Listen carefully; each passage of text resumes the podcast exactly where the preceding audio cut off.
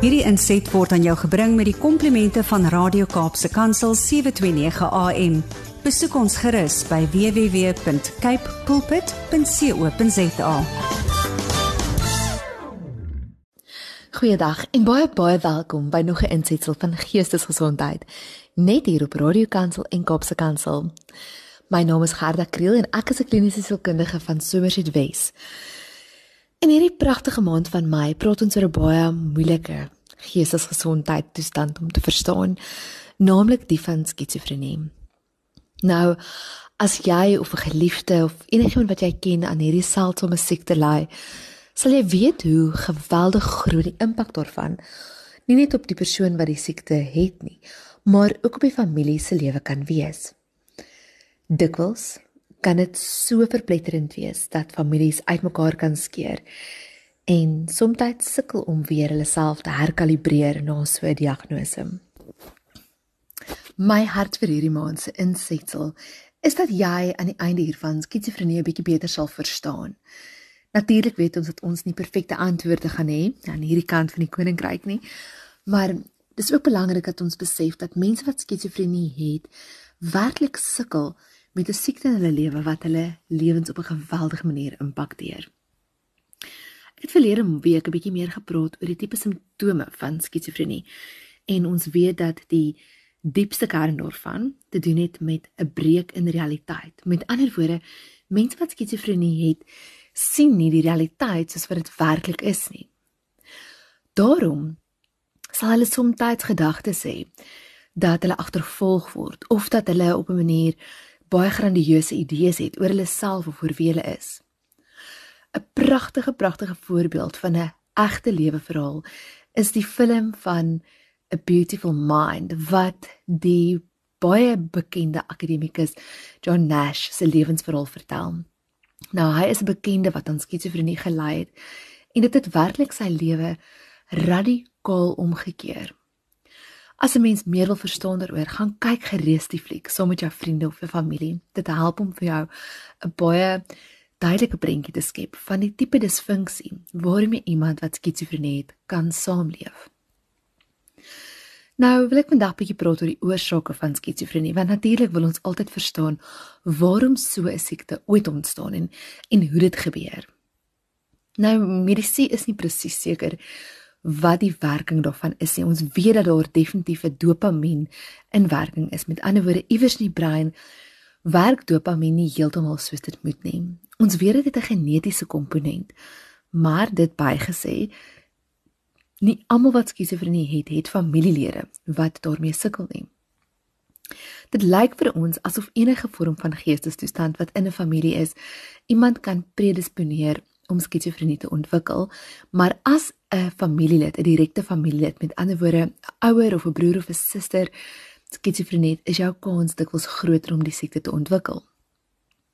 In Suid-Afrika het ons natuurlik 'n unieke uitdaging, die van substansgebruik. Nou, substansgebruik is eintlik wêreldwyd 'n probleem, maar in Suid-Afrika en veral in die Wes-Kaap het ons dik. Dik is een van die substansies wat ons vind 'n baie hoë korrelasie het met 'n aanvang van skizofrenie ontwikkel. Dit gebeur dikwels dat iemand vir eerste keer tik gebruik en dan kontak met realiteit verloor en dan soms permanent met die siekte van skizofrenie sit. Nou wil ek dit so 'n oomblikkie neem en onderskeiding tref. 'n Mens kry 'n substans geïnduseerde psigose. Dit beteken dat 'n substansmiddel het gelei daartoe dat iemand psigoties is en daai psigose beteken verlies met realiteit, verlies van realiteit. En dit sal gebeur as gevolg van 'n spesifieke dwelmmiddel. Baie dwelmmiddels kan dit veroorsaak en is gewoonlik wanneer dit in 'n onbeheerste dosis plaasvind, maar selfs dagga wat onder baie kringe as 'n baie veilige middel gesien word, kan lei tot gevoelens en gedagtes van paranoia wat 'n vorm van psigose is. So geen substans is eintlik veilig vir jou brein om te gebruik nie. Ek wil dit weer herhaal, geen substans wat jou op 'n psigedeliese manier affekteer is veilig vir jou brein om te gebruik nie. En as jy um my nie glo nie gaan besoek gerus enige psigiatriese hospitaal waar dit nie ongewoon is vir amper helfte van die pasiënte wat akuut siek is. Daar is omdat hulle 'n psigotiese substans ervaring gehad het nie. Goed. Nou, wanneer iemand substansverwante psigose het, sal die psigose opklaar wanneer die substans uit hulle liggame uitgewerk het. So dit is 'n baie kort en baie tydelike vorm van psigose, 3 tot 5 dae maksimum. Maar soms gebeur dit dat iemand vir die eerste keer 'n middel gebruik, psigoties raak en dan net nie weer herstel nie. Dit word dan gedink dat die substans wat hulle gebruik het 'n 'n soort sneller was wat die geen aangeskakel het vir skizofrenie om te ontwikkel. Nou is dit weer eens moeilik om te sê presies wat dit veroorsaak en hoe oud die siekte is. Ons weet dat van die vroegste tekens van skizofrenie opgemerk is baie baie jare, um, honderde jare vroeër en en ons weet dat dit siekte is wat wat baie goed beskryf is. En tog verstaan ons steeds so min oor presies wat dit veroorsaak. Wat ons wel weet, is dat ware skizofrenie nie veroorsaak word deur iemand wat sonde gepleeg het of deur 'n vorm van um heksery of of so nie. sien want dit sal 'n heeltemal 'n ander tipe probleem wees. Ware skizofrenie, wanneer iemand werklik so siek is, het te doen met 'n chemiese wanbalans in die brein wat gesneller word deur lewensomstandighede wat 'n spesifieke geen aangeskakel het. En so tragies as wat dit is, is dit belangrik om te weet dat hierdie mense dit nie kies nie en dat hulle nie daarvoor verantwoordelik is nie. En die belangrikste van alles is is dat mense wat skizofrenie het steeds dieselfde regte en behoeftes het as ek en jy. En daarom, daarom is ek so passievol daaroor om ons tog te herinner dat ons mense met skizofrenie steeds moet behandel met waardigheid en met respek en selfs met liefde. Dit gebeur dikwels dat mense wat skizofrenie het, se families hulle glad nie verstaan nie, nie kan verstaan waarom hulle beet nie beter raak nie. Hulle dis 'n kroniese siekte, dis lewenslank. Medikasie kan dit help bestuur. Maar selfs met medikasie ken ek baie pasiënte wat op medikasie is, hulle medikasie goed gebruik, maar steeds simptome van die siekte het. Dit beteken nie dat hulle nie probeer nie. En ek wil regtig vir vandag ons luisteraars vra, as jy iemand ken wat skizofrenie het, hê met hulle uiters baie um geduld en meelewing. Hulle lewens is werklik baie moeilik. Kan jy jou indink om nie te weet of die persoon wat voor jou staan eg is of 'n versinsel van jou brein nie? Of om goed te glo en te sien hoe mense teenoor jou optree dat hulle jou nie verstaan nie? Of om in jou bed te lê en stemme te hoor praat terwyl jy weet daar is niemand rondom jou nie?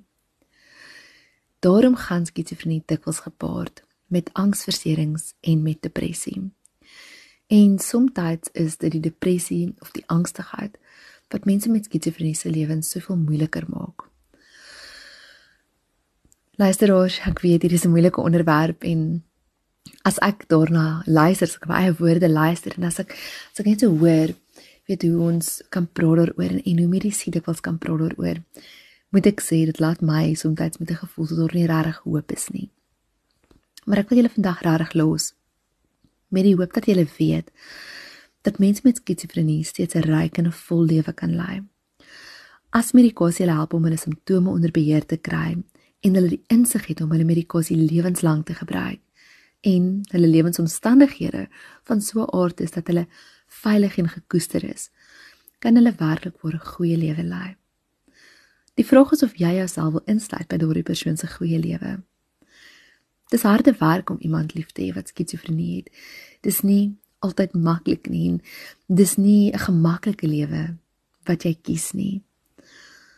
Maar ek dink tog dat as gelowiges ons ook geroep word om ons kruise op te tel en onsself neer te lê en mense lief te hê wat moeilik is om lief te hê.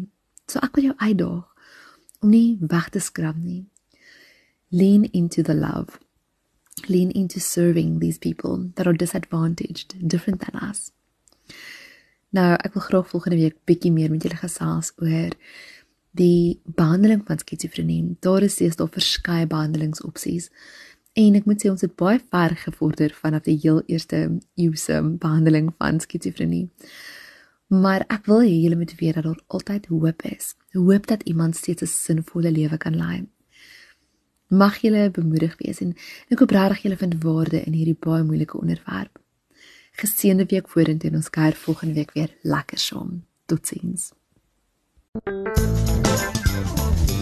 Hierdie inset was aan jou gebring met die komplimente van Radio Kaapse Kansel 729 AM. Besoek ons gerus by www.cape pulpit.co.za.